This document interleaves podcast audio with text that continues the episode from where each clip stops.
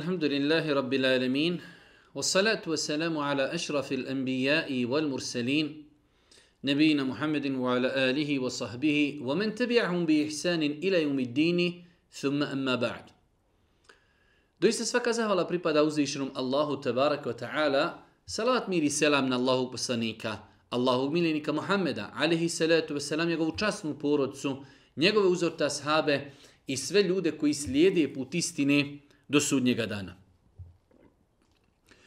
Uvažena braćo i poštovani sestri, uvaženi gledatelji, evo nas u još jednoj emisiji u kojoj se družimo sa odabranim kuranskim ajetima. Večera se družimo sa svima nama poznatom surom Ar-Rahman. Sura Ar-Rahman je svima nama poznata zato što je ona jedinstvena po tome da se u njoj jedan ajet ponavlja 31 31 put se ponavlja ajet fe bi ayi ala rabbikuma tukezziban. Pa koju blagodat svoga gospodara poričete? Ovaj ajet je u ovoj suri zbog njegove bitnosti i važnosti ponovljen 31 put. Sura Ar-Rahman je 55. sura onako kako su sure danas zabilježene i poredane u mushafu kojeg mi učimo svakodnevno. Sura Ar-Rahman je 55. sura, onako kako su sure danas poredane u Mushafu. Rekli smo više puta da sure nisu poredane u Mushafu po redoslijedu objavljivanja, jer je Kur'an objavljivan shodno potrebi, vremenu i prostoru, pa je znači sura Iqra koja je prva objavljena, tamo negdje, znači možda i za 80. i 90. sure u Kur'anu danas u Mushafu napisana. Pa znači imamo dva različita pojma, e, broj sure u Mushafu i broj sure e, po objavi. U pogledu sure Ar-Rahman, islamski učenjaci imaju, hajde da kažemo, različite stavove, koja je ona po redoslijedu objave Božijem poslaniku, iako to ne nosi sa sobom nikakvu, hajde da kažemo, bitnost i važnost. Ono što je bitno nama jeste da je sura Ar-Rahman objavljena u Mekki. Po mišljenju velikog broja islamskih učenjaka, sura Ar-Rahman je objavljena u Mekki i to je potvrđeno vjerodostojnim hadisima u kojima stoji da Allah poslanik ali se letu selam još u Mekki, još u Mekki kod Kijabi učio suru Ar-Rahman. Tako da ono što je nama bitno jeste da je sura Ar-Rahman objavljena u Mekki, ali po evo jednom mišljenju od poznatog e, učenjaka Ibnu Ašura, on kaže da bi sura Ar-Rahman mogla da bude 43. E, sura objavljena Božim poslaniku, alihi salatu wasalam, ono što se može kazati da je objavljena u Mekki i da je objavljena pod navnim znacima među e, prvim surama koje su objavljivane Božijem poslaniku, alihi salatu wasalam. Još od vremena Božih poslanika, alaihi salatu wasalam, e, zabilježeno je da su ovu suru zvali imenom Ar-Rahman, pa imamo više hadisa u kojima stoji pa je Allahu poslanik tada i tada učio suru Ar-Rahman. Tako da e, njeno ime je znači poznata je po tom imenu još od vremena Božih poslanika alihi salatu wasalam. Svakako, dobila je ime po prvom ajetu u ovoj suri. Prvi ajet je Ar-Rahman, milostivi. Uzvišnji Allah s.w.t. započinje ovu suru sa jednim od svojih imena milostivi. Uzvišnji Allah s.w.t. je milostiv. Milostiv prema svojim robovima koji svakodnevno čini razno razne grijehe, a uzvišeni Allah subhanu wa ta'ala od njegove milosti je da im ostavlja mogućnost da se pokaju. Od njegove milosti je i to da im prima pokajanje. Od njegove milosti jeste i to da kada se pokaju, on im briše grijehe. Od njegove milosti jeste i oprost grijeha na sudnjem danu onima koji su vjerovali u Allaha subhanu wa ta'ala, Allahova milost je, Allahova milost je velika i o Allahovoj milosti bi se mnogo moglo govoriti. U vjerodostojnim hadisima je zabilježeno da Allah poslanik kazao uzvišeni Allah ima 99 milosti. 99 milosti.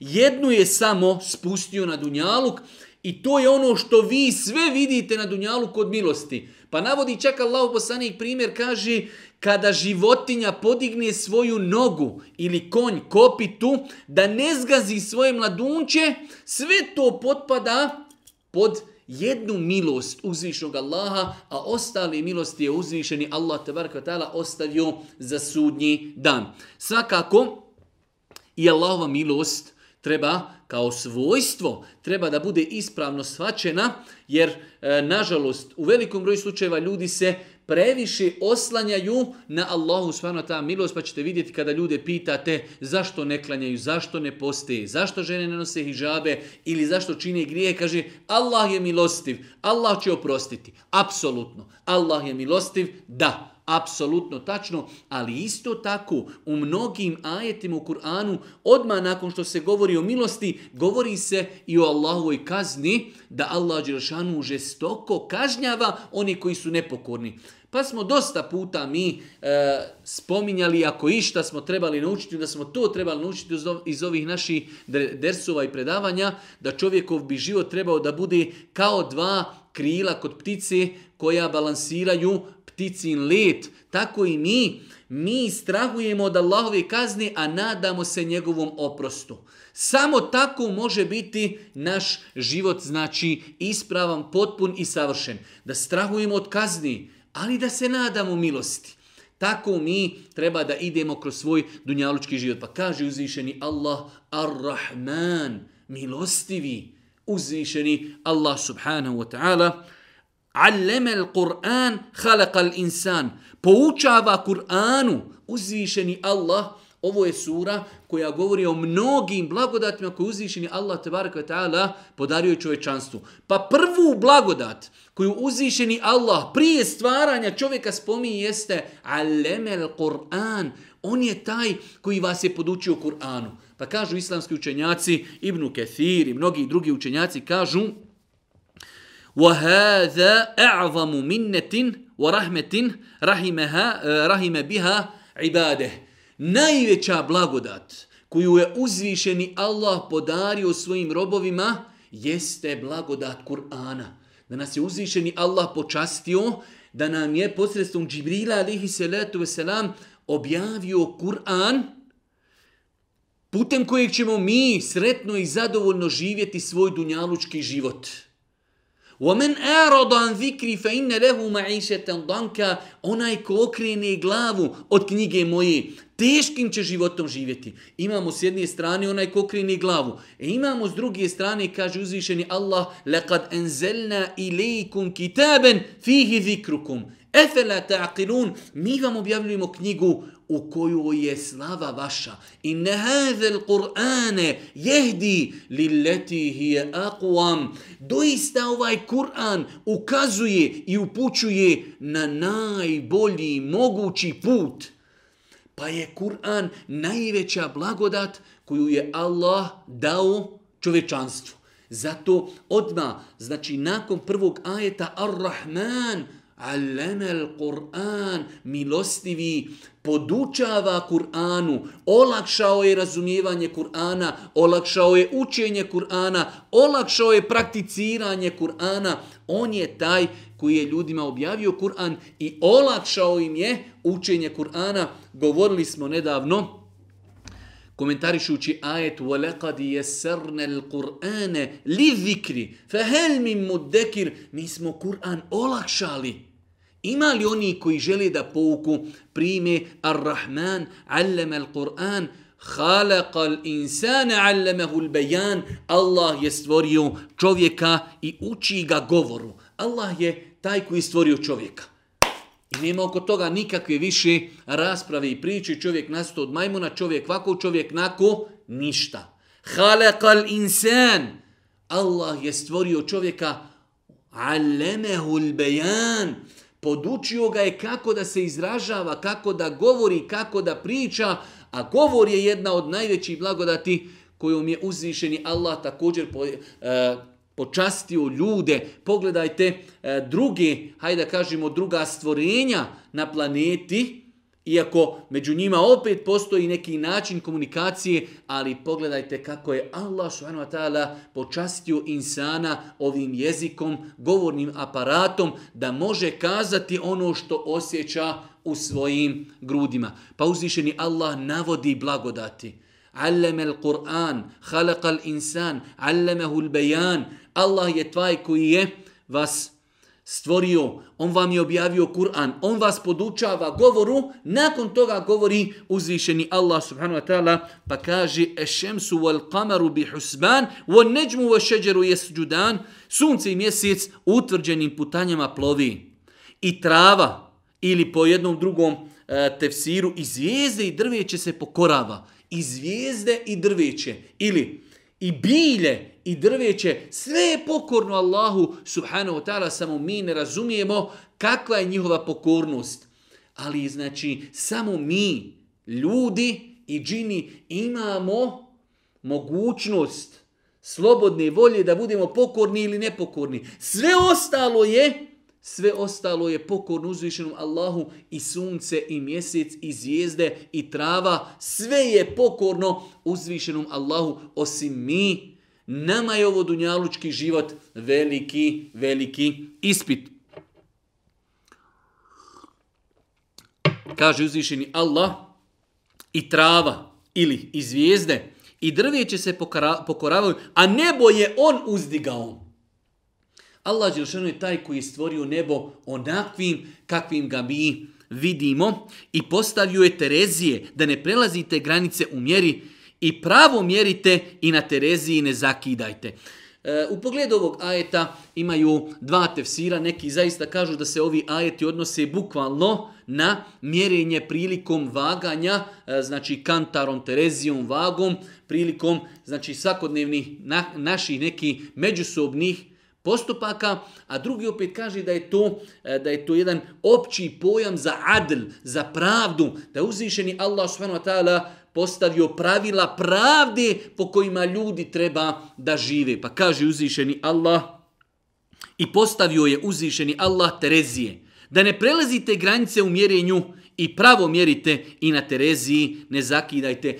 Bez obzira, po kojem tefsiru uzeli, ali evo ako uzmemo po ovome kako je preveo Besim Korkut, pogledajte kako islam savršen, kako je potpun, nije izostavio niti jednu stvar, pa makar ta stvar bila bezazlena, iako nije bezazlena, a to je zakidanje prilikom mjerenja, islam jasno definiše uh, znači da je zabranjeno prilikom mjerenja da čovjek zakida, da krade.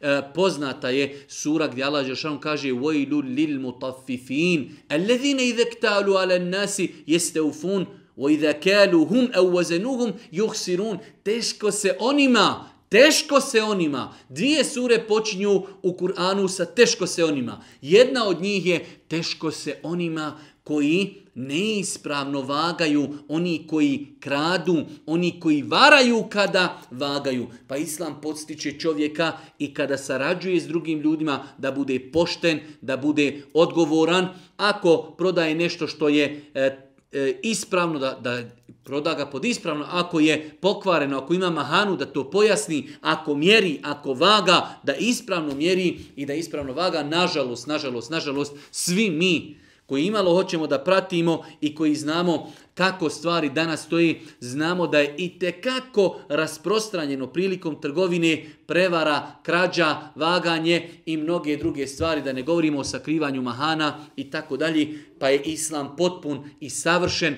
poziva na pravdu, na adl, poziva na ispravno mjerenje, na ispravno vaganje, na bratski međuljudski odnos među ljudima. pa kaže uzvišeni Allah, a zemlju je za stvorenja razastru. Allah je taj nabraja blagodati nebesa, zemlja. Allah je taj koji je stvorio zemlju i razastroje za stvorenja da možemo po njoj hoditi, živjeti, eh, baviti se stočarstvom, poljoprivredom, uživati uživati dunjalučke blagodati, pa kaže uzvišeni Allah, a zemlju je za stvorenja razastru. Na njoj ima voća i palmi sa plodom u čaškama i žita sa lišćem i mio miris na cvijeća.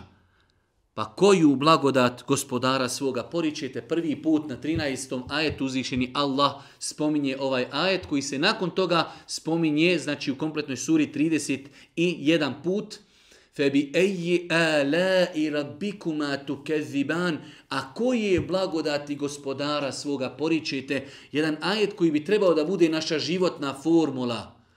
Pa koji je blagodati gospodara svoga, poričite. 31 put uzvišeni Allah u jednoj suri, koja ima možda tri stranice svega u Kur'anu, na 31. mjestu ponavlja jedan te isti ajet febi ayi ala rabbikuma tukezziban a koji je blagodati gospodara svoga poričete la ilaha illallah kako nas ovaj ajet uh, E, poziva na razmišljanje, na zahvalu Allahu Đelešanu. Pogledajte samo nijamete i blagodati koje mi uživamo. Počevši od najveće blagodati Islama, pa preko razuma, pa preko zdravlja, pa preko svih drugih nekih savremenih blagodati koje uživamo od kuća, od auta, od mobitela, od laptopa, od interneta, od blagostanja, od zraka, od hrani, toliko, toliko blagodati. Wa in te'udu ni'metallahi. Allahi. La tuhsuha. Ako vi budete brojali i nizali Allahove blagodati, ne možete ih prebrojati. Ona bi kum min ni'metin fe min Allah. Sve blagodati koje imate, sve te blagodati su od uzvišenog Allaha. Fe bi ejje ala i rabbikuma tukeziban. Pa koju blagodat gospodara svoga poričite? Insan treba da bude uzvišen da bude od onih koji su zavalni Allahu i jezikom i srcem i praksom blagodati koji nam Allah podari treba koristiti na halal ispravan način Allah Đelšanu neke ljude e, obaspe i metkom, pa oni taj metak koriste na haram način, u kladionicama, za alkohol, za drogu i tako dalje. Vjernik treba da pazi kada su u pitanju blagodati, da ih koristi na halal način. Ako mi Allah podario zdravlje, onda to zdravlje koristim na halal način. Ako mi je podario vid, onda koristim na ispravan način. Ako mi je podario govorni aparat, jezik, onda koristim na halal način. Ako mi je podario i tako dalje. Blagodati, zahvaljivanje na blagodatima znači koristiti te blagodati na halal i dopušten način.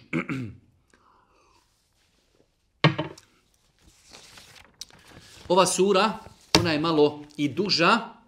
Ja nisam želio da izbacujem e, nijedan ajet. Preletit ćemo preko svih ajeta, kod nekih ćemo se malo više zadržati kako bi, hajde kažemo, mogli kazati da smo cijelu suru prešli i prekomentarisali. Nakon toga u 14. ajetu opet uzvišeni Allah nastavlja da govori o stvorenjima, da govori o blagodatima koje je on podario ljudima, pa kaže uzvišeni Allah – on je čovjeka od sasušene ilovači, kao što je gnčarija stvorio, a džina od plameni vatri. Pa koju blagodat gospodara svoga poričete? Allah Žešanu pojašnjava da je čovjeka stvorio od ilovači i o tome smo mi već nekoliko puta detaljno govorili, a džine i šeitane stvorio je od vatri. Znači, imamo tri vrste stvorenja. Meleki su stvoreni od svjetlosti. Čovjek je stvoren od zemlje, od ilovači, a šeitani i džini su stvoreni, šeitani i džini su stvoreni od vatri. Kad su u pitanju meleki, završeno, to su Allahova e, nepogrešiva stvorenja, apsolutno pokorna. Kad su u pitanju ljudi, njih je uzvišeni Allah stvorio od zemlje i oni se dijeli na vjernike i na nevjernike i treća kategorija licemjeri. Kada su u pitanju šeitani ili bolje kazano džini, koje Allah stvorio od vatre, oni se dijele u dvije kategorije. Imamo muslimane i nemuslimane. Nemuslimani džini, oni su šeitani. Nemuslimani džini, oni su šeitani. Na krovu tih šeitana i znači na vrhu te ljestvice je najveći čovjekov neprijatelj, Iblis, Allahovo prokljestvo, neka je na njega. Pa kaže uzvišeni Allah, on je čovjeka od sasušene ilovači, kao što je grnčarija stvorio, a džina od plamena, plamena vatri, pa koju blago da gospodara svoga poričite, gospodara dva istoka i dva zapada. Allah je gospodar dva istoka i dva zapada. Kao što kaže Ibnu Kefir i mnogi drugi, šta su dva istoka i dva zapada? Allah najbolje zna, ali imamo mjesto gdje sunce zimus u zimskom periodu izlazi, a imamo da se sunce pomakne gdje sunce izlazi ljeti. Pa je ovo jedan istok, a ovo je drugi istok. Imamo dva zapada, zapad gdje zalazi sunce ljeti, zapad gdje sunce zalazi zimi. Pa Allah Đelšanu to naziva dva istoka i dva zapada. Pa je on gospodar i jednog i drugog istoka i drugog i prvog i drugog zapada. Rabbul Mešriqajni wa Rabbul Magribejn. Pa koju blagodat gospodara svoga poričete, pustio je dva mora da se dodiruju. Između njih je pregrada i oni se ne miješaju. Allahu akbar. Prije 1400 godina kada nije bilo satelita, kada nije bilo istraživačkih putovanja, Allah Đelešanu obavještava Muhammeda alihi salatu wasalam i cijelo čovečanstvo da imaju lokacije, da imaju mjesta gdje se mora dodiruju, ali se jedno u drugo ne uljevaju. Normalno, lahko je pojasniti zašto se ne uljevaju, zato što je različita svojstva vodi, ali je to uzvišeni Allah tako odredio i tako stvorio, I o tome nam Kur'an govori prije 1400 godina. Allahu ekber. I dođu vam ljudi danas i kažu Muhammed je napisao Kur'an. Muhammed koji nikada očima svojim nije vidio more. Nikada nije čitao, nikada nije pisao. Nije bio znači pismen. Govori o stvarima koje po, nakon 1400 godina nauka potvrđuje. Čak imamo druge ajete gdje uzvišeni Allah govori dodiruju se dvije vode. Jedna je slana, jedna je slatka. Znači, pitka voda iz rijeka se uljeva u okeane ili u mora i ona se ne uljeva u to more, već postoji između njih prijegrada, postoji e, vodeni svijet, Znači koji jednostavno živi u slatkim vodama i vodeni svijet podzemni e, vodeni svijet koji živi znači u slanim vodama pa je uzvišeni Allah to prije 1600 godina ljudima spomenu jedno od tih e, spomena u Kur'anu jeste u suri Ar-Rahman i imamo danas elhamdla putem YouTubea odete i samo ukucate dva mora se spajaju odnosno dodiruju se a jedno u drugo se ne uljeva i vidjet ćete različite video klipove koji potvrđuju istinitost ovog ajeta. Elhamdulillah, mi muslimani nemamo potrebe za tehnologijom u tom kontekstu da nam potvrde istinitost Kur'ana. Kur'an je istinit bez toga da li ga nauka potvrdila ili ne. Ali to jača čovjeku iman. Merađel Bahreini, jel teqijani, bejnehuma berzehun, le je begijani. On je taj koji je dopustio da se dva mora dodiruju, između njih je prijegrada i jedno u drugo se ne ulijevaju. Allahu akbar, Allahu akbar. Pa koju blagodat gospodara svoga poričete, iz njih, iz mora se vadi biser i merđan. Pa koju blagodat gospodara svoga poričete, njegove su i lađe koje se kao brda visoka po moru uzdišu. Pa koju blagodat gospodara svoga poričete? To što vam je Allah dopustio da po morima imate lađe koje prenosi e, stotine hiljada tona. Zamislite danas one velike, one velike tankere ili razarače, one velike e, znači brodove koji nosi na sebi avione, nosi na sebi tenkove. To je Allahova blagodat koju je on podario čovječanstvu. I on to ovdje navodi. Navodi da su to njegove lađe, da je to ono što je on ljudima, da je to ono što on ljudima podario i da je to Allahova subhanahu wa ta'ala blagodat prema ljudima, zato i kaže febi ayyi ala rabbikuma tukaziban, pa koju blagodat gospodara svoga poričete? Da li smo nekada kada sjedimo u avionu sjetili se da je to Allahova blagodat? Da li smo se sjetili nekada kada se uh, vozimo uh, u brodu, da kažemo, pa to je Allahova blagodat, to je uzvišeni Allah dopustio ljudima da uživaju u takvim blagodatima.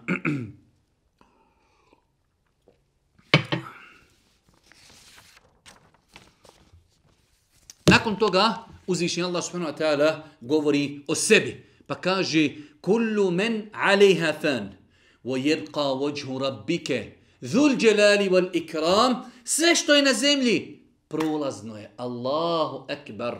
Ovaj ajet nas uči, odgaja da ovo nije mjesto našeg vječnog boravka. Kullu men alejha fan. Sve što je na zemlji nestaje, izumire. Čovjek će biti, živjeti, momak, omladinac, starost, smrt. Sve odlazi.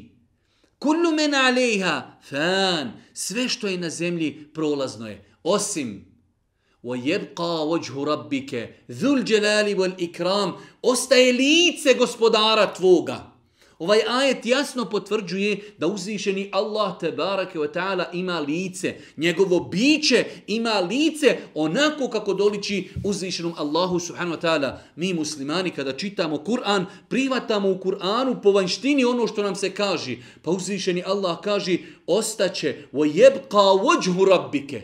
Ostaće lice njegovo plemenito, lice plemento i veličanstveno.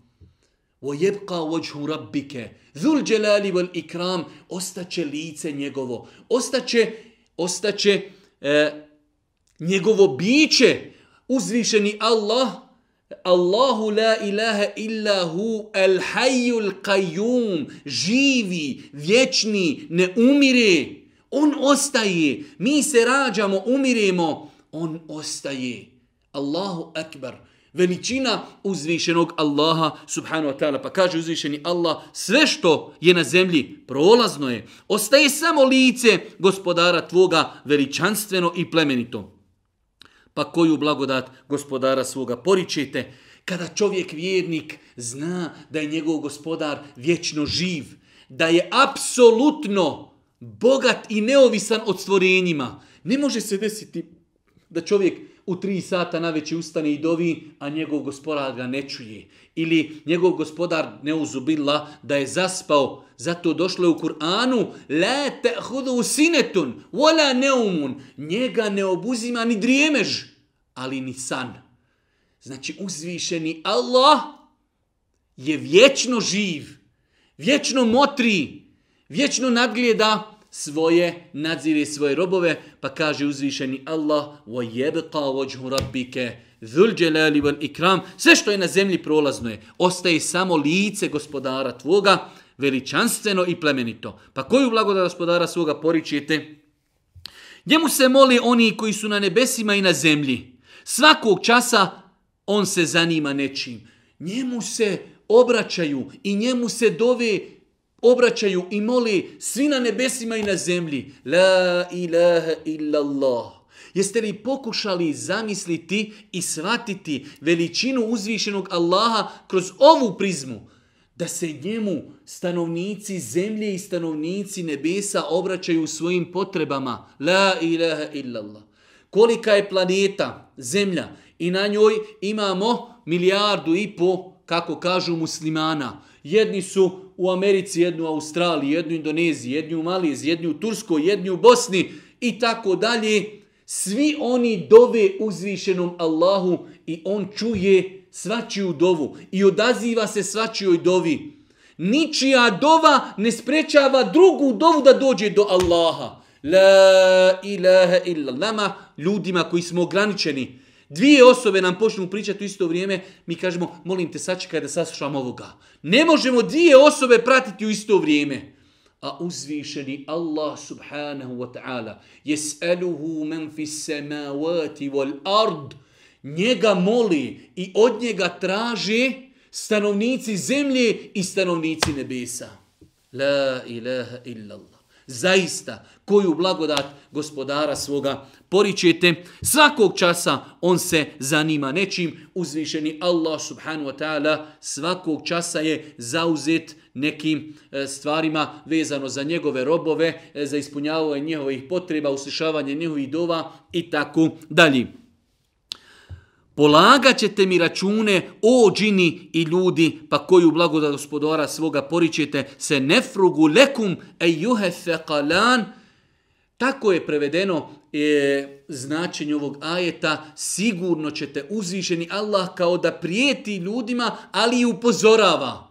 I to je opet blagodat da nas uzvišeni Allah još na dunjalu upozora i kaže o robovi moji, sigurno ćete račune polagati. To je blagodat da ti neko kaže na dunjaluku da te ne bi dunjaluk zaveo, da te ne bi odveo, da ne bi zaboravio na Allaha, da ne bi zaboravio na ahiret. Se nefrugu lekum e juhe fekalan o džini, o ljudi, sigurno da znate, posvetit ću se vama i vi ćete račune polagati polagati uzvišenom Allahu subhanahu wa ta'ala. Nakon toga, uzvišen Allah subhanahu wa ta'ala u 33. ajetu kaže ja mašara al džinni wal insi in ta'atum an tanfudhu min aqtari samawati wal ard fanfudhu لا تنفذون الا بسلطان فباي الاء ربكما تكذبان يرسل عليكم شواظ من نار ونحاس فلا تنتصران فباي الاء ربكما تكذبان Dva ajeta u pogledu kojih islamski učenjaci imaju različite stavove, da li su to ajeti koji se odnose na kijametski dan, sudnji dan, ili su to dunjalučki, e, e, da se ovi ajeti odnose na naš dunjalučki život. Kaže uzvišeni Allah o skupino džina i ljudi. Ako možete da preko granica nebesa i zemlje prodrite, prodrite. Moći ćete prodrijeti jedino uz veliku moć. Jedni kažu da se ovi ajeti odnose na dunjaluk. Da se ljudima kaže, kao što kaže Ibnu Kathir, rahmetullahi alihi, Vi ne možete pobjeći od Allaha. Eto, gdje god hoćete, budite na Dunjaluku, idite ako možete čak u kosmos, gdje možete, gdje god da odete, to je poenta ovih ajta, gdje god da budete, vi ćete biti usmrćeni, vi ćete biti proživljeni, ne možete pobjeći od Allaha. S druge strane, gdje god ste, vi ste potrebni svoga gospodara Allaha subhanahu wa ta'ala. Na vas će se ognjen plamen i rastopljen mjed prolivati i vi se nećete moći odbranti pa koju blagoda gospodara svoga poričete po onima koji kažu da se to odnosi na Dunjaluk, onda se time misli na zvijezde koje će gađati one koji to pokušaju raditi, ali u svakom slučaju, znači, ovi ajeti se mogu razumjeti i da se odnose na sudnji dan, a isto tako mogu se razumjeti da se odnose na naš Dunjalučki život, ali osnovna pojenta ajeta jeste da gdje god da se mi nalazimo, mi ne možemo pobjeći od uzvišenog Allaha subhanu wa ta'ala. On nas i vidi, on i čuje, on zna, on nas je e, stvorio, on će nas usmrtiti, on će nas proživjeti i njemu ćemo račune i njemu ćemo račune polagati. Fa idhan shaqqati as-sama'u fa kanat warda kad dihan fa bi ayi ala'i rabbikuma tukazziban فيومئذ لا يسأل عن ذنبه إنس ولا جان فبأي آلاء ربكما تكذبان يعرف المجرمون بسيماهم فيؤخذ بالنواصي والأقدام فبأي آلاء ربكما تكذبان هذه جهنم التي يكذب بها المجرمون يطوفون بينها وبين حميم آن فبأي آلاء ربكما تكذبان كجوزي شني الله govoreći sada o sudnjem danu, a kada se nebo razdvoji i kao ucrkan zejtin rumeno postane, pa koju blagodat gospodara svoga poričete, tog dana ljudi i džini za grijehe svoje neće biti pitani.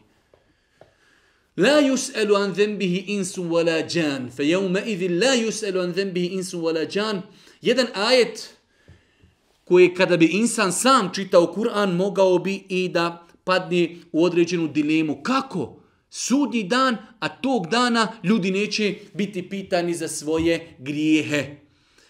Kažu islamski učenjaci da se to odnosi na situaciju da neće ljudi pitani biti jesu li činili grijehe, već će biti pitani kako su i zašto su činili grijehe. S druge strane, ovaj ajet uh, E, apsolutno odgovara onoj situaciji, stanju, jer sudnji dan ima svoja ima svoje epohe, ima znači različita stanja.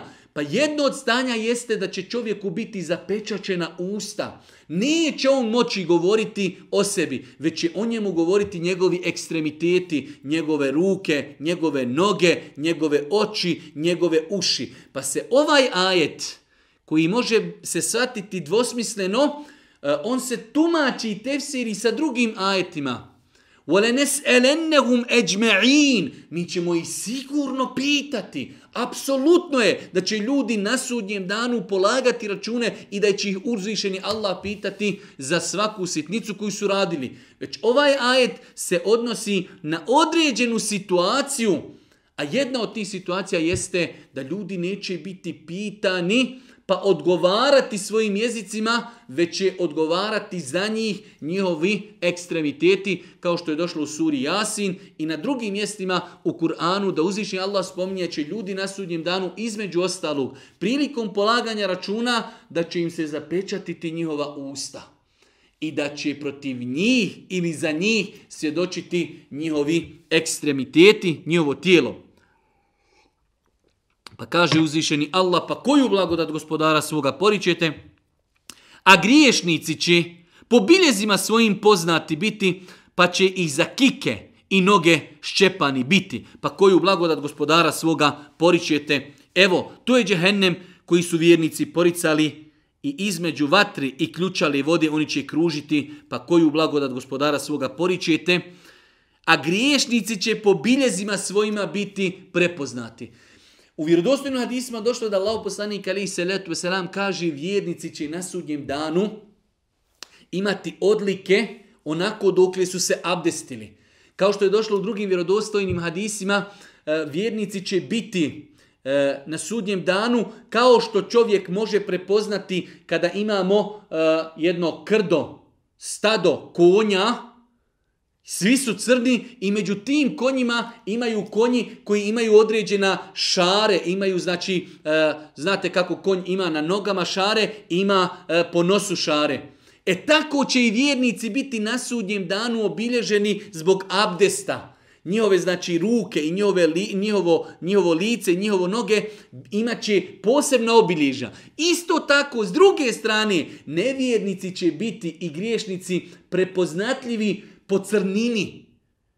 Biće plavih očiju, pla, e, plavih očiju i biće po cr... Znači, njihova lica će biti crna za razliku od vjernika. Njihovi ukrasi će biti sjajni po rukama i po licu i po njihovim nogama. Sve ono što su prali prilikom abdesta. Pa kaže uzvišeni Allah subhanu wa ta'ala Ju'rafu l-muđrimune bi simahum a griješnici će po biljezima svojima biti poznati, pa će za kike i noge ščepani biti, pa će biti za kike, za njihove glave i za njihove noge bit će uzeti i odvedeni i bačeni u vatru džehennema. Između vatri i ključale vode oni će kružiti, pa koju blagodat gospodara svoga koju blagodat gospodara svoga poričite. Nakon toga uzvišnji Allah subhanahu wa ta'ala govori, pa sve do kraja ove sure govori o džennetu. Govori, govori o blagodatima dženneta, kome je pripremljen džennet i šta je u džennetu pripremljeno za one koji se budu bojali uzvišnog Allaha i oni koji budu vjerovali uzvišnog Allaha, pa kaže وَلِمَنْ خَافَ مَقَامَ رَبِّهِ جَنَّتَانِ onaj ko se bude bojao na dunjaluku stajanja pred Allahom, takvog očekuje šta? Za onoga koji se stajanja pred gospodarom svojim bude bojao, bit će dva perivoja, dva dženneta posebno pripremljena za onoga ko se bude bojao stajanja pred uzvišenim Allahom. Danas vjernik kada nešto radi, on radi, ali strahuje kako će položiti račun pred svojim gospodarom. Allahu akbar. Allahu akbar. وَلِمَنْ خَافَ مَقَامَ رَبِّهِ جَنَّتَانِ Onaj ko se bude bojao, to je svojstvo vjernika, da se boji dana polaganja računa, da se boji dana kada će stajati pred svojim gospodarom. Allah poslani kaže, četiri pitanja će biti postavljena čovjeku. Neće se pomjeriti njegova stopala ispred gospodara dok ne bude odgovorio na ova pitanja o životu, o mladosti, o znanju, o imetku, o tome će čovjek biti pitan, stajaće pred svojim gospodarom. Pa kaže uzvišeni Allah, وَلِمَنْ خَافَ مَقَامَ رَبِّهِ جَنَّتَان Onaj ko se bude bojao stajanja pred gospodarom i taj strah ga spriječio činjenja grijeha od nepokornosti džennetan. Dva perivoja, dva dženneta on ima kao nagradu. Pa koju blagodat gospodara svoga poričite, ti, perivoji, dženneti, puna stabla granatih, pa koju blagodat gospodara svoga poričite, u kojima će biti dva izvora koja će teći, pa koju blagodat gospodara svoga poričite, u njima će od svakog vrsta, od svakog voća po dvije vrste biti, pa koju blagodat gospodara svoga poričite, Allah Đelšanu opisuje e, E, mjesta uživanja, da će to biti mjesta gdje će biti voća, gdje će biti izvora, gdje će biti zelenila, gdje će biti drveća, jednostavno, znači ono, e, ono što čovjeku daje snagi, elana, da ustraje dok je još tu na dunjaličkom životu. Kaže uzvišeni Allah, nastavlja u 54, 55. ajetu, govoreći o, o ovim blagodatima muteki ine ala furušin batainuha min istebraka وجنى الجنتين دان فبأي آلاء ربكما تكذبان فيهن قاصرات الطرف لم يطمثهن إنس قبلهم ولا جان فبأي آلاء ربكما تكذبان كأنهن الياقوت والمرجان فبأي آلاء ربكما تكذبان Odmarat će se na posteljama čije će postave od kadife biti, a plodovi u oba perivoja na dohvat ruke će stajati. Ljudi će uživati u džennetu, sjedit će na dibi, na kadifi, voće će biti na dohvat ruke. Znači insan, takva su to uživanja, imaće u džennetu sve što mu duša i srce poželi. Plodovi će biti na dohvat ruke, pored njih rijeke će teći e, u društvu sa dženeckim ljepoticama. Znači, apsolutno uživanje. Pa kaže uzvišeni Allah subhanu wa ta'ala, U njima će biti one koje preda se gledaju, one koje prije njih ni čovjek ni džin nije dodirnu, pa koju blagodat gospodara svoga poričete, opisuju uzvišeni Allah džennetske ljepotice, hurije sa dva opisa. Kasiratu tarf, one obaraju pogled.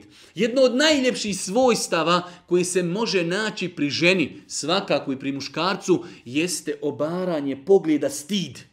Da je žena stidna, da ne razgleda, da ne zvirlja, ona je zadovoljna sa svojim mužem. Takve će biti dženecke ljepotice. Kasiratu tarf. One oborenih pogleda stoje, borave, znači dovoljan im je njihov muž. Kasiratu tarf. To je jedan opis. Lem jatbith hunne insun. Kablehum vola džan. Njih prije toga nije dotakao ni insan, niti džin.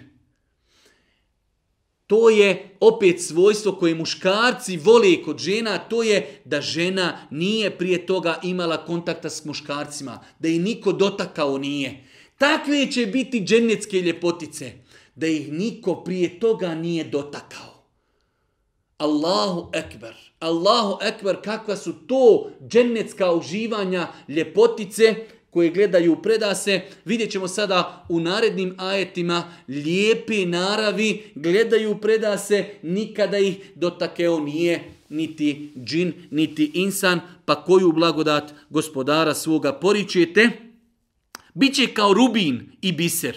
One, te dženecke ljepotice, biće kao rubini i biseri. Lijepe kao biser, lijepe kao rubin, niko ih dotakao nije, oborenih pogleda gledaju pred sebe, naravne, e, divne naravi, kao što će doći u sljedećem opisu. Kaže uzvišeni Allah subhanahu wa ta'ala, interesantno, govori se o e, opisu uh, džennetlija, uživanju u džennetu. I onda samo dolazi jedan ajet. Hel džeze ul ihsani illel ihsan. Zar je nagrada za dobro išta drugo osim dobro? Allahu ekver. Ja sam nekada davno na ovu temu i održao jedno, e, pa mogu slobodno kazati jedno e, korisno predavanje da li je nagrada za dobro išta drugo osim dobro. Kaže uzvišeni Allah, zar nagrada za dobro učinjeno dijelo može biti nešto drugo do dobro? Pitanje, nemoguće. U Dunjaluku, kada insan radi dobra dijela, ima nagradu shodno dijelu koje je radio. Mnogo je argumenta iz Kur'ana i sunneta Božih poslanika koji ukazuju da uzvišeni Allah ljude na Dunjaluku nagrađuje shodno dijelima koje oni radi. Pa kada insan olakša nekome, njemu Allah, Allah olakša. Kada on nekoga prekrije njegove sramote, Allah prekrije njega. I tako dalje. Pa je ova naša vjera tako lijepa, tako savršena. Ne mora niko znati šta ti radiš. Zna uzvišeni Allah. Hel djeze ul ihsani. Illel ihsan. Zar može biti nagrada za dobro dijelo koje se uradi i kakva druga nagrada osim dobro? Zato, brate moj dragi i cina sestro, ne gubi nadu, trudi se, nastavi, radi radi Allaha. On je taj koji zna i vidi i čuje. Ne treba niko znati. On je taj koji će te nagraditi. On je taj koji će te nagraditi i na Dunjaluku sa nagradom koja te očekuje na ahiretu. Pa nastavlja uzvišeni Allah opisivati džennet i džennetlije i njihovo uživanje. Pa kaže: "Wa min dunihima jannatani, fa bi ayi ala'i rabbikuma tukaththiban mudhammatani, fa bi ayi ala'i rabbikuma tukaththiban fihima 'aynani naddakhatani, fa bi ayi ala'i rabbikuma tukaththiban fihima fakihatun wa nakhlun wa rumman, fa bi ayi ala'i rabbikuma tukaththiban?" Zar nagrada za dobro učinjeno djelo može biti nešto drugo do dobro? Pa koju blagodat gospodara svoga poričete? Osim ta dva dženneta i perivoja, kaže uzvišeni Allah, bit će još dva neznatija perivoja. Pa koju blagodat gospodara svoga poričete? Modro zelena. Pa koju blagodat gospodara svoga poričete? poričete Allah Đelšanu. E, sutra ćemo, ako Bog da u suri El Vaka govoriti o vrstama ljudi, o vrstama ljudi na sudnjem danu, ashabu ljemin, muqarrabin, ashabu šimal, pa imamo znači i u džennetu nagrade. Imamo džennetska uživanja, sa e, dvorcima od zlata imamo džennetska uživanja sa dvorcima od srebra pa je to malo niži stepin elhamdulillah džennet je ali Ne mogu svi ljudi biti na istom nivou. Pa kaže, kaže se e, po ispravnom mišljenju e, mu fesira e, da ovi znači da nakon što je uzvišen Allah govorio o jednoj nagradi dženetlija počinje govoriti o jednom drugom malo nižem stepenu dženetlija pa kaže uzvišeni Allah wa min dunihima džennetan osim ta dva bit će još dva neznatnija perivoja, pa koju blagodat gospodara svoga poričete, modro zelena, pa koju blagodat gospodara svoga poričete, sa izvorima koji prskaju, koji su prepuni vodi u svakom, pa koju, pa koju blagodat gospodara svoga poričete, u njima će biti voća i palmi i šipaka, pa koju blagodat gospodara svoga poričete, opet uzvišeni Allah s.w.t. spominje i ovoj nižoj vrsti nagradi spominje opis džennetskih ljepotica pa kaže fihinne hajratun hisan فبأي آلاء ربكما تكذبان حور مقصورات في الخيام فبأي آلاء ربكما تكذبان لم يطمثهن إنس قبلهم ولا جان فبأي آلاء ربكما تكذبان متكئين على رفرف خضر وعبقري هسان Febi eji ala i rabbikuma tu keziban, tebero kesmu rabbike, zil dželeri vel ikram. Posljednji ajeti u suri Ar-Rahman, uzvišeni Allah nastavlja govoriti o ni'metima, o blagodatima koje će ljudi uživati u džennetu, pa kaže u njima će biti ljepotica, naravi divnih. Opis džennetskih ljepotica da su lijepe naravi. Kako mi na Dunjaluku volimo kada kaže ma sreo sam insana, ali je naravan, lijepe naravi, nije srdit, nije ljut, nije namrgođen, lijepe naravi. U tome čovjek uživa, to ga opušta. E takve će biti dženecke ljepotice. Hvala